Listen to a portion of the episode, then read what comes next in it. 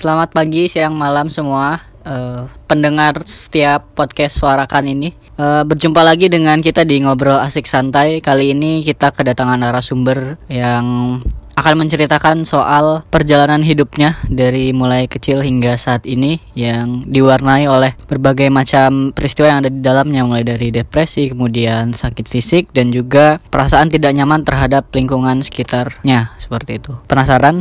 Out. Nah, itu di tahun 2012 ngerasa bahwa udah mulai tahu bahwa ini tuh bukan perasaan yang sedihnya tuh bukan sedih yang biasa. Tapi sedihnya tuh berlarut berlarut-larut. Dan ini bukan sekedar stres gitu. Dan karena sedihnya bener-bener hampir tiap hari. Dan nangis gitu-gitu gitu dan baru tahu sampai 2018 ini kurang lebih enam tahun itu depresi dan udah uh, dari tahun 2015 sampai 2018 tiga tahun itu tuh saya uh, memakai maksudnya uh, berobat ke psikiater di salah satu uh, rumah sakit negeri gitu.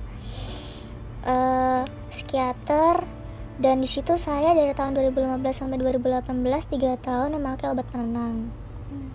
untuk menenangkan uh, pikiran saya untuk menenangkan biar saya nggak nangis terus gitu biar bisa tetap survive gitu biar bisa hidup gitu nah masalahnya tuh kadar depresinya itu kemarin didiagnosa udah di depresi berat gitu dari pihak psikolog maupun pihak psikiater gitu.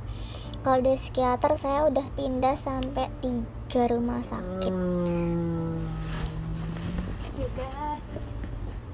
Sampai tiga rumah sakit di Jogja. Oh iya. Di rumah sakit di Jogja. Dan sekarang fokus di satu rumah sakit yang itu. Dan saya udah bolak-balik psikolog dari tahun 2012 sampai 2018 udah kayak muter-muter di area kota tempat tinggal saya itu benar-benar dari dari yang puskesmas naik ke rumah sakit nyari yang benar-benar swasta gitu-gitu gitu. Yang pribadi juga saya coba terus-terusan berusaha buat bangkit kayak berusaha nyembuhin diri sendiri gitu. Dan sampai sekarang masih terus-terusan uh, masih terbawa apa ya depresinya masih terus-terusan ada walaupun sekarang udah lumayan bisa dihandle dengan mungkin bantuan obat penenang, bantuan nenangin pikiran, hati, perasaan gitu sama ya karena itu depresinya itu juga disebabkan oleh dua faktor. Yang pertama memang psikologis dari kejadian-kejadian masa lalu yang sampai sekarang yang memang kita tidak meminta itu tapi memang udah uh, udah udah terjadi pada saya sampai saya sekarang hidup. Dan satu lagi faktor sakit fisik. Nah kebetulan juga di tahun 2012 ini saya dikasih menurut saya ini adalah sebuah rezeki ya dikasih sakit fisik berupa sakit otak di bagian otak yang lumayan rawan gitu. Maksudnya awalnya pembengkakan otak naik lagi menjadi radang otak naik lagi jadi radang otak kronis dan mau sampai kanker otak itu kayak wow gitu maksudnya dari segi tenaga, waktu, pikiran, biaya itu semua ke sita tapi di salah di satu sisi saya punya depresi saya nih hmm. yang awalnya itu dipicu oleh faktor psikologis di masa lalu saya gitu. Saya mungkin tidak meminta gitu di masa lalu ada semacam KDRT di rumah tangga. Maksudnya di lingkup rumah maksudnya keluarga inti sendiri gitu. Jadi memang trauma saya malah mungkin orang mikirnya aneh kalau teman-teman saya bertemu saya gitu kayak loh kok kamu kok sukanya tuh kabur-kaburan. Gitu maksud kok kamu suka suka kabur-kaburan di rumah? Kamu suka keluyuran di luar? Udah malam lo anak perempuan gitu. Terus aku cuma bisa senyum walaupun nahan nangis. Padahal sebenarnya saya mulai kabur-kaburan tuh mulai baru lulus SMA itu baru mulai kabur-kaburan dalam kondisi sakit-sakitan.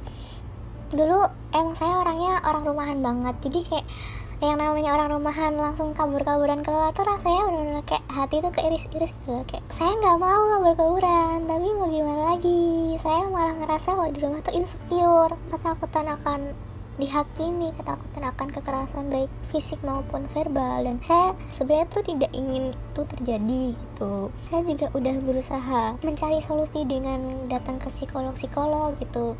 Gimana caranya biar bisa menyelamatkan keluarga saya? Saya berusaha terus seperti itu. Tapi ternyata di satu titik psikolog ini berkata bahwa dan saya juga sadar bahwa udah cukup mbak sampai di sini. Sekarang fokusnya ke diri sendiri aja nggak usah mengurusi urusan yang memang sudah sekiranya atau mungkin belum bisa mbak selesaikan sendiri. Karena kondisi mbak juga ibarat masih kena sakit fisik yang otak ini. Karena sekarang baru pemulihan dan masih kena depresi. Jadi ibarat belum punya kekuatan juga dari segi finansial juga. Dan kekuat, belum punya kekuatan juga dari segi mental yang kuat untuk menghadapi ibarat orang tua sendiri gitu atau ibarat keluarga inti sendiri gitu. Jadi memang di satu titik disuruh berhenti dan stop. Sekarang fokus memikirkan diri sendiri karena semenjak saya memikirkan keluarga saya terus kehidupan saya mulai dari sosial mulai dari kehidupan apa uh, kehidupan saya selama saya hidup ini aktivitas keganggu semua. Buat sosial sama teman aja sampai saya tuh nggak bisa. Gara saya terkendala. Ya saya ada urusan sama orang tua ya emang lagi ngurusin orang tua buat biar nggak ada konflik. Tapi sampai saat ini ternyata saya udah capek juga gitu. Ternyata kalau gini terus saya nggak maju-maju. Ibarat kayak berhenti di tengah jalan atau sampai terputus gitu. Jadi yang membuat saya sadar di titik saya fokus terhadap diri sendiri itu mulai tahun 2016-2017 yang dua tahun saya bukan merasa ya tapi memang faktanya saya baru sadar mengenai sifat asli orang tua saya. Jadi di titik itu mulai sadar oh iya saya harus fokus juga terhadap diri sendiri gitu nggak melulu mengurusi konflik orang tua terus gitu hmm. sekarang juga udah bisa menerima walaupun mereka mau bersama ataupun mereka mau tidak bersama juga maksudnya dalam arti kalau mereka mau lanjut juga kalau mereka mau berpisah juga saya udah mulai kayak ya udah gitu kayak udah bisa nerima ya udah silahkan gitu karena sampai detik ini bukan bermaksud mau dibilang durhaka atau gimana saya udah kayak cuek gitu kayak karena saya mengalami gitu. Karena saya mengalami saya juga ya udah itu keputusan mereka yang terbaik aja. Yang penting saya nggak keikut gitu. Karena sejujurnya trauma itu yang sampai sekarang masih pengen saya sembuhkan. Karena itu benar-benar membekas di alam bawah sadar istilahnya. Karena memang yang namanya sebuah keluarga inti itu tuh sebuah fondasi kita dalam hidup fondasi. Karena di keluarga intilah kita dapat ilmu atau pertama kali belajar tentang kepribadian akhlak dan ilmu dan segala macamnya tuh di rumah gitu di keluarga gitu. Kalau dari fondasi nggak kuat ya ya mau gimana tapi saya tetap berniat buat jadi orang yang baik orang jadi yang lebih baik maksudnya gitu. Pribadi yang lebih baik gitu gitu terus. Walaupun terlepas dari saya kalau di rumah tetap insecure dengan sampai saya kuliah juga masih mengalami kekerasan baik itu verbal maupun fisik yang saya tuh tidak ingin gitu sudah bilang baik-baik terus. Tapi yang namanya mungkin orang tua emosi atau watak atau gimana saya udah mulai ya semenjak tahun 2016 2017 sudah mulai stop berhenti atau masuk terlalu jauh di dunia orang tua kedua orang tua saya atau di keluarga inti saya juga yang melibatkan ketiga adik saya juga gitu kayak ya udah gitu kalau emang adik-adik saya ketiga ini udah mengalami penyimpangan penyimpangan gitu saya cuman ngelus dada dan cuman ya udah semoga ada jalannya aja karena dari dua ini sekarang lagi pemulihan dua ini juga ternyata mengganggu di sakit maksudnya mengganggu di uh, fokus saya buat lulus 2019 Februari ini. Hmm, kalau boleh tahu mbak traumanya? Trauma KDRT sih, KDRT baik fisik maupun kata-kata yang hmm. verbal. Nah kata-kata kasar, kata-kata kotor, entah itu diucapkan secara sadar atau mungkin tidak sadar. Itu dilakukan oleh siapa? Orang tua. bapak ayah ibu dan saya bingungnya tuh dari dulu tuh ingin mencari tahu kenapa mereka kalau sama anak perlakuannya seperti itu. Ternyata usut punya usut memang yang namanya sebuah keluarga kalau emang dari awalnya emang belum siap ataupun memang dulu itu yang ibarat terpaksa. Jadi yang suka itu ayah ke ibu ibu nggak suka sama ayah. Jadi mungkin setengah hati gitu. Terus katanya tak eh, katanya ibu taunya bapak itu orangnya lembut nggak taunya pas nikah kok kasar gitu. Nah didukung oleh ibu yang egonya lumayan tinggi gitu. Jadi kayak dua-duanya itu Hmm. nggak ada yang mau ngalah gitu. Jadinya tuh jatuhnya anak sebagai pelampiasan selama bertahun-tahun dari saya kecil benar-benar itu tuh mendarah daging dan kayak terekam di alam bawah sadar karena sampai sekarang tuh mau ngilangin tuh susah jujur. Karena saya sekarang juga posisinya udah nggak ngekos dan sekarang malah satu rumah dan ternyata membuat saya down lagi gitu. Karena dulu pas ngekos tuh malah lebih stabil tapi gara-gara kemarin ka- kata orang tua ada janji kalau bakal lebih baik nggak taunya ya namanya watak gitu ya kan kita nggak tahu. Oh iya yang ralat yang baru sadar 2 tahun tuh dari 2016 sampai 2018 yang ini ngekos dan sadar bahwa orang tua tuh orang tua saya sifatnya seperti itu. Karena saya tuh ngekosnya tuh cuma di area Jogja. Kalau ke kos pun juga cuma sejaman gitu. Tapi sama sekali cuma buat say hello sama anak aja nggak pernah datang sama sekali. Gitu. sampai sekarang? Jadi enggak maksudnya pas selama ngekos itu baru sadar sifat asli mereka gitu lah. Oh iya iya. maksudnya sifat asli beliau itu maksudnya dalam kondisi sakit fisik dan depresi gitu apa-apa sendiri ke rumah sakit sendiri ini sendiri. Hmm. dikasih uang ya udah ini. Ya cuman seadanya. Pokoknya cukup nggak cukup ya harus dicukupin gitu. Tapi kondisi yang namanya sakit radang otak kronis tuh nggak main-main gitunya banget. Ya kalau memang udah ini ya bisa kelewat karena saya pernah berada di di posisi tahun 2016 apa iya 2016 17 itu kemarin yang setahun itu sampai 2018 sih masih ngerasa kayak nggak tahu nih sembuh kapan. Baru tahu sembuh itu 2018 Alham- alhamdulillah kan 2018 bulan kalau nggak Maret April Mei dikatakan sembuh dan sekarang tinggal pemulihan aja. Nah, itu bener-bener senangnya nggak karuan sih. Itu otaknya Kayak, otaknya. Iya, maksudnya senang banget akhirnya gitu.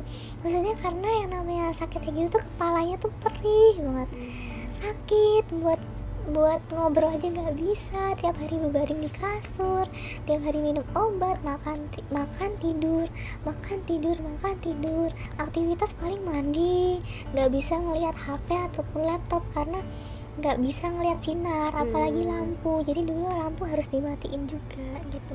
Dan nggak bisa dengar suara bising gitu. Karena ganggu di kepala. Tapi orang tua tahu kondisi mbak yang depresi dan sakit otak Tahu. misalnya ada? Respon mereka seperti apa? ketika mengetahui itu? Mana orang tua. Jadi mungkin namanya orang tua zaman dulu ya? Eh, orang tua saya tipenya yang kalau bilang sama teman-temannya orang-orang sekitar dia bilangnya ya saya ngurusin anak saya gitu kan. Aku ngurusin anakku kok. Dia aja nggak mau diurusin gitu. Terus kan karena sifatnya otoriter gitu. Jadi apa yang dia lakukan tuh anak itu harus ikut. Kalau nggak ikut ya udah sakarepmu ibarat gitu. Karena dia bilang sakarepmu ya udah nggak usah minta bantuan mama buat nyembuhin kamu kalau misalnya kamu nggak mau ikut aturannya mama gitu. Kayak otoriter jadi nggak ada musyawarah sama sekali. Karena dulu tuh aku mikirnya udah mulai melenceng nih orang tuaku gitu. Dulu tuh dikirain aku depresi itu malah dikirain aku dimasukin inilah dimasukin hal-hal yang gaib-gaib itulah. Hmm. terus malah ke orang-orang pinter lah pinter dalam tanda kutip. Terus minta dapat pegangan dapat ini dapat itu terus kayak semakin ke sini ternyata emang ada efeknya karena jatuhnya itu kan kalau di agama Islam kan syirik ya? Iya. Syirik ya? Nah itu. Nah itu juga yang membuat saya dulu tuh logika saya memang masih jalan terus. Kayak ini tuh kayaknya enggak aku tahu sakit apa gitu. Iya. tapi emang gara-gara ada sakit fisik ini yang nggak bisa ngapa-ngapain ya cuman ngikutin tapi tuh ya namanya orang manusia ada titik di mana udah nih stop sabar aku udah sampai di titik ini aku ngikutin orang takut terus. Habis itu aku mulai kayak yang namanya mungkin orang tua bilangnya ngelonjak gitu ya durhaka. Kalau orang orang tua saya tuh sering banget bilang anak durhaka gitu. Nggak mau ikutin omongan orang tua gitu. Langsung tiba-tiba nggak mau ngikutin bener-bener langsung langsung saya tuh langsung bener-bener cari. Jadi emang saya sama mama saya tuh berseberangan banget karena sekarang saya udah tahu apa yang harus saya lakukan buat ke depan kalau saya tetap ngikutin dengan misal kepercayaan mama saya yang seperti itu terus saya diperiksaannya di tempat-tempat seperti itu terus saya realistisnya kalau sakit fisik juga ke rumah sakit juga terus kalau ini juga berobatnya ke psikolog kalau nggak psikiater cuman di situ aja. Mulai sadar juga bahwa ya namanya udah dewasa udah i- maksudnya kita juga karena udah dewasa juga harus punya pilihan nggak harus terus-terusan. Aku ngerasa nggak harus terus-terusan nurut gitu.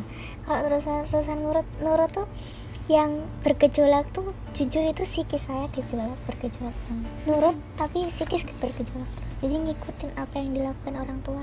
Padahal saya sudah mengungkapkan kenapa saya mengalami depresi ya karena orang tua saya ya karena mama sama bapak di rumah kayak gini terus loh kerjaannya secara nggak langsung.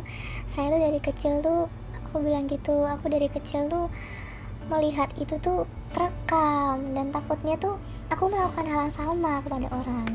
Mhm. tapi alhamdulillah untungnya saya tipenya yang yang mungkin dibilangnya cengeng ya suka nangis gitu. Kayak itu saya emang tipenya kayak gitu. Ketiga adik saya mungkin juga berbanding terbalik dengan saya yang ketiga adik saya udah mengikuti orang tua saya yang main tangan gitu gitu gitu yang ngomongnya kasar yang yang benar-benar kayak gitu ya ya udah saya di rumah tuh ya cuman kayak ya Allah kok saya tuh kayak orang minoritas banget sih Mau- padahal saya juga sempat berpikiran enaknya jadi orang cuek gitu enaknya jadi orang yang nggak terlalu mikirin kayak gini tapi kok ternyata saya tuh sifatnya gini Mbak berapa bersaudara emangnya? empat Empat.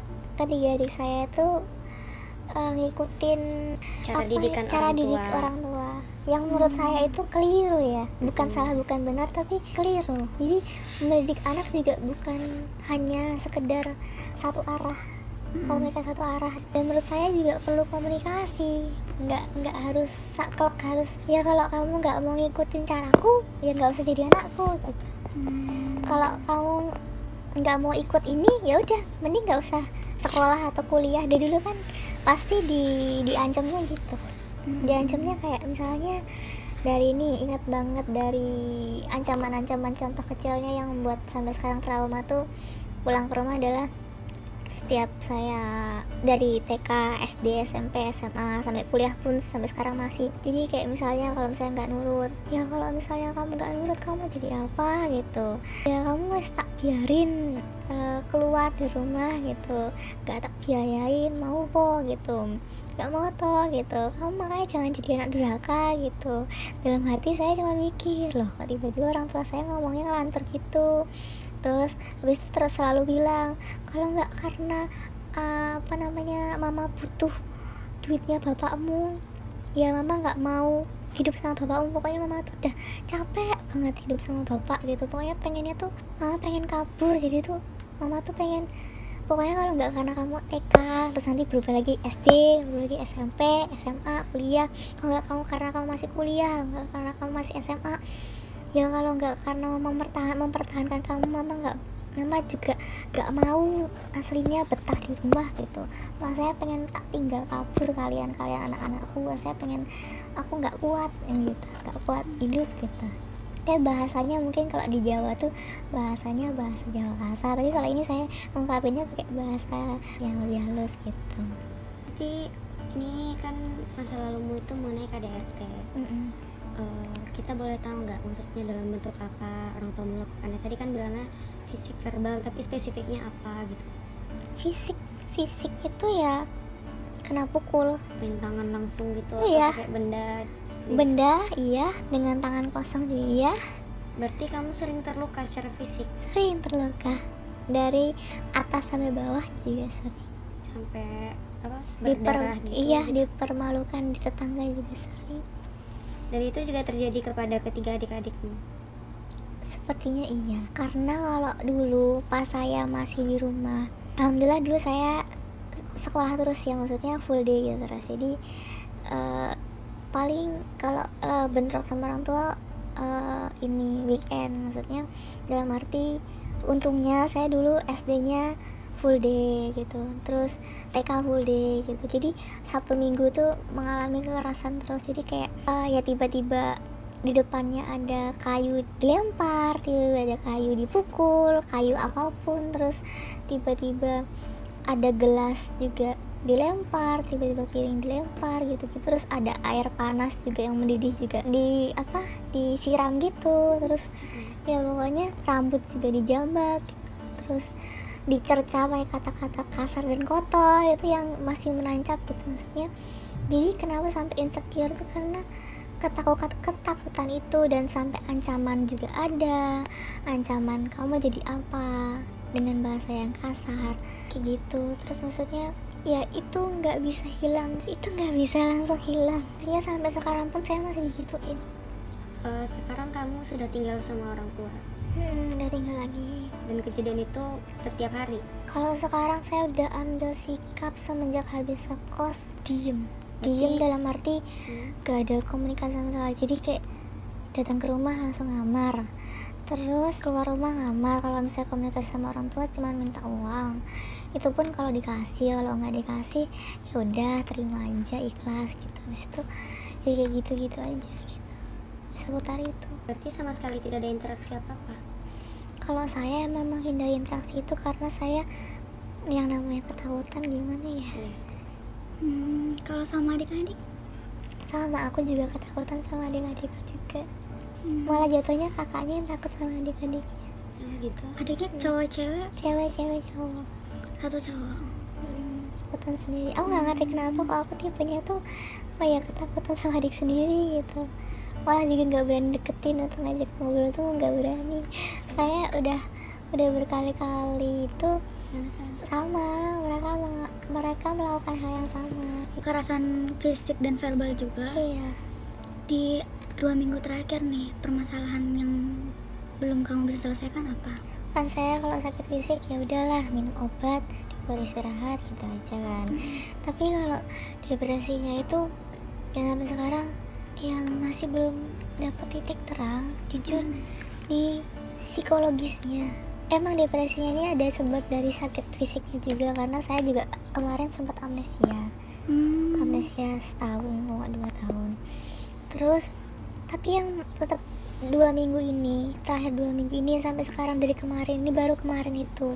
Dua hari yang lalu saya itu mengalami itu lagi jadi terus-terusan mengalami KDRT jujur kalau saya itu mengalami hal tersebut tuh kepikiran.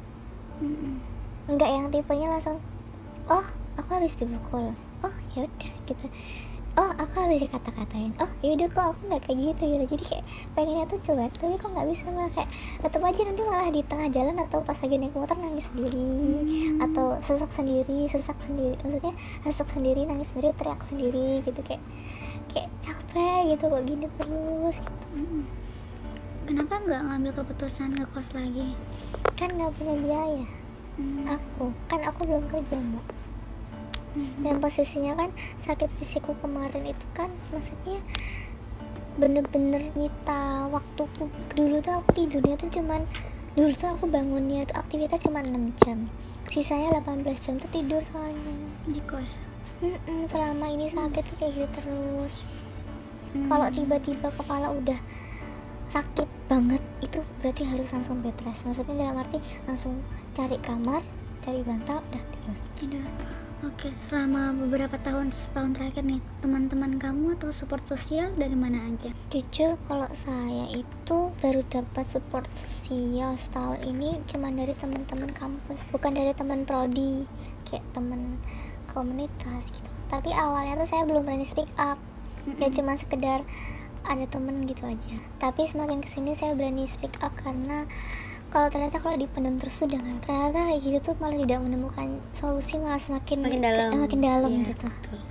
dan ternyata salah satu caranya adalah speak up mengakui mengakui diri ini karena depresi mengakui diri ini I'm not okay berani ya karena apa yang dilakukan pasti ada konsekuensinya ya mungkin saya bilang kayak gini saya juga pasti dapat konsekuensi dengan apa yang saya omongin dengan apa yang saya utarakan pastilah beberapa juga ada yang bilang ngapain aib dibuka-buka? Gitu.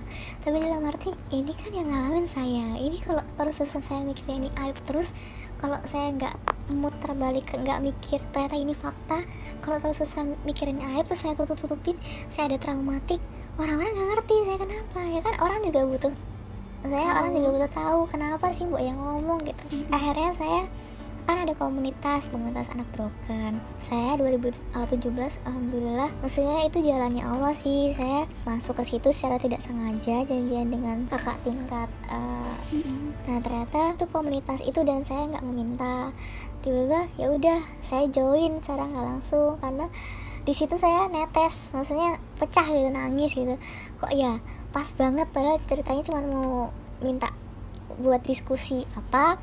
Tiba-tiba malah di suatu komunitas anak broken gitu. Ya, mulai dari situ nemu teman-teman yang satu kan broken juga ada beberapa tipenya kan. Nah maksudnya yang penting tuh oh ternyata nggak cuma saya tuh yang sendiri. Komunitas itu membantu kamu nggak? Maksudnya itu hanya sekedar sharing. Oh sekedar sharing waktu itu. Sekedar sharing via aplikasi.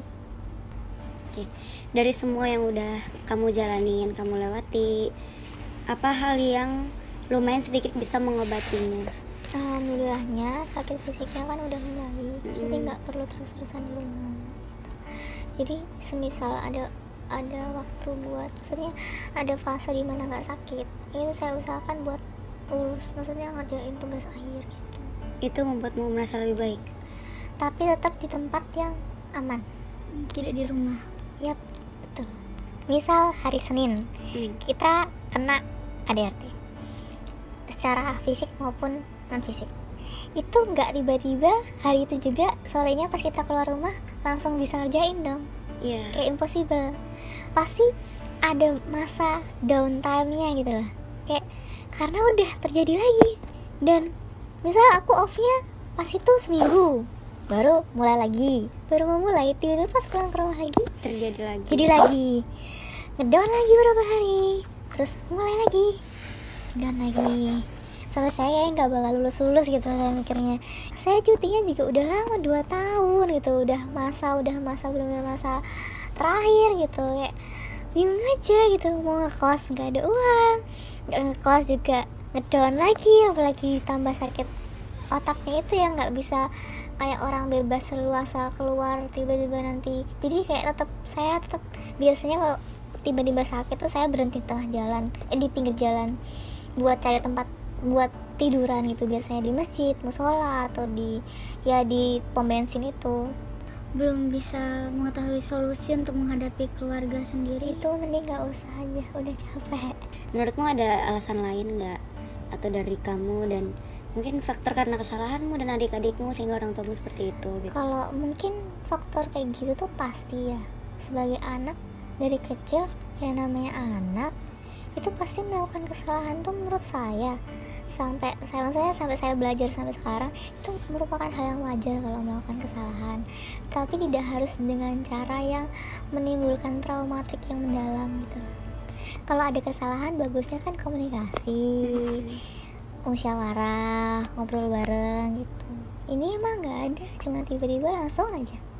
Dan orang tua tuh ternyata juga cuek-cuek peduli-peduli cuek nah itu teman-temannya mama sendiri yang bilang mamamu itu bilangnya peduli tapi aslinya cuek. Ada yang bilang juga sebenarnya cuek tapi peduli ya pokoknya kembali balik gitu lah. Kadang apa yang dia lakukan berbeda sama dengan dengan apa yang dia ucapkan. Uh -uh misal kemarin aku udah bilang mah aku mau ke rumah sakit gak ada uang. Gitu. Kemarin aku sampai ke temen minta ke teman minta uang pinjem pinjem nyari solusi sana sini gara-gara bener-bener gak ada tabungan gitu. Gara-gara orang tua sendiri nggak mau. Nggak mau ngasih atau emang nggak ada uang? Nggak mau ngasih nggak nggak mau ngasih tapi nggak ngerti kenapa. Udah aku tanyain bilangnya nggak ada uang gitu. Tapi pas saya cerita kondisi nggak ada uang tiba-tiba orang tua saya tiba renovasi rumah dari hatimu nih ya. Tapi sebenarnya ada nggak keinginanmu untuk berdamai hubunganmu harmonis dan baik kayak gitu? Ada nggak dari hati? Kalau kayak gitu kan sebagai hati kondisinya tuh traumatiknya nggak bisa sekejap sekejap memberikan telapak kanan terus ter apa telapak kanan telapak tangan yang tiba-tiba saya ketemu dengan ibu saya terus senyum halo ma gitu. Terus kayak malah ketemu tuh kayak hari karena pasti dilakukan. Berdasarkan pengalaman kamu yang mempunyai peristiwa-peristiwa dalam hidup apa yang kamu ingin katakan ke teman-teman yang lain yang mungkin juga masih dalam keadaan seperti ini? Nggak usah dengerin kata-kata orang yang belum tentu dia kalau di posisimu tuh kuat gitu. Maksudnya kamu tuh nggak bakal tahu orang itu kenapa dari luarnya doang. gitu mungkin yang kamu lihat cengeng atau yang mungkin kamu lihat ketawa-ketawa gitu itu belum tentu nggak punya masalah sama sekali gitu. Jangan menilai orang dari covernya gitu aja sih. Dan bukan kuat lagi jatuhnya kita harus survive karena hidup kan terus berjalan. Tapi kalau untuk orang-orang yang nggak mengalami hal yang sama hal sepertimu itu ada pesan-pesannya nggak?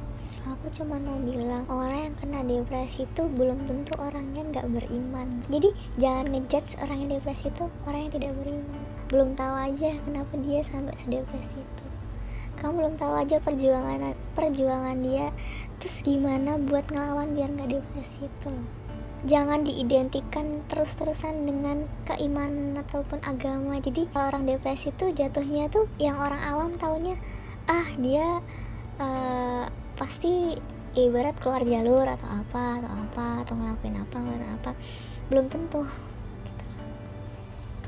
Ya, begitu ngobrol asik santai kita pada episode kali ini. Yang dapat diambil adalah gimana kita memposisikan teman-teman kita yang sedang depresi, yang sedang tidak nyaman dengan keluarganya, kemudian lingkungan sekitarnya. Kita harus bisa lebih peduli lagi dan lebih memperhatikan karena mungkin mereka sedang mencari-cari tempat yang lebih aman dan lebih nyaman selain tempat-tempat yang mereka biasa tinggali dan juga mereka merasa tidak aman seperti itu.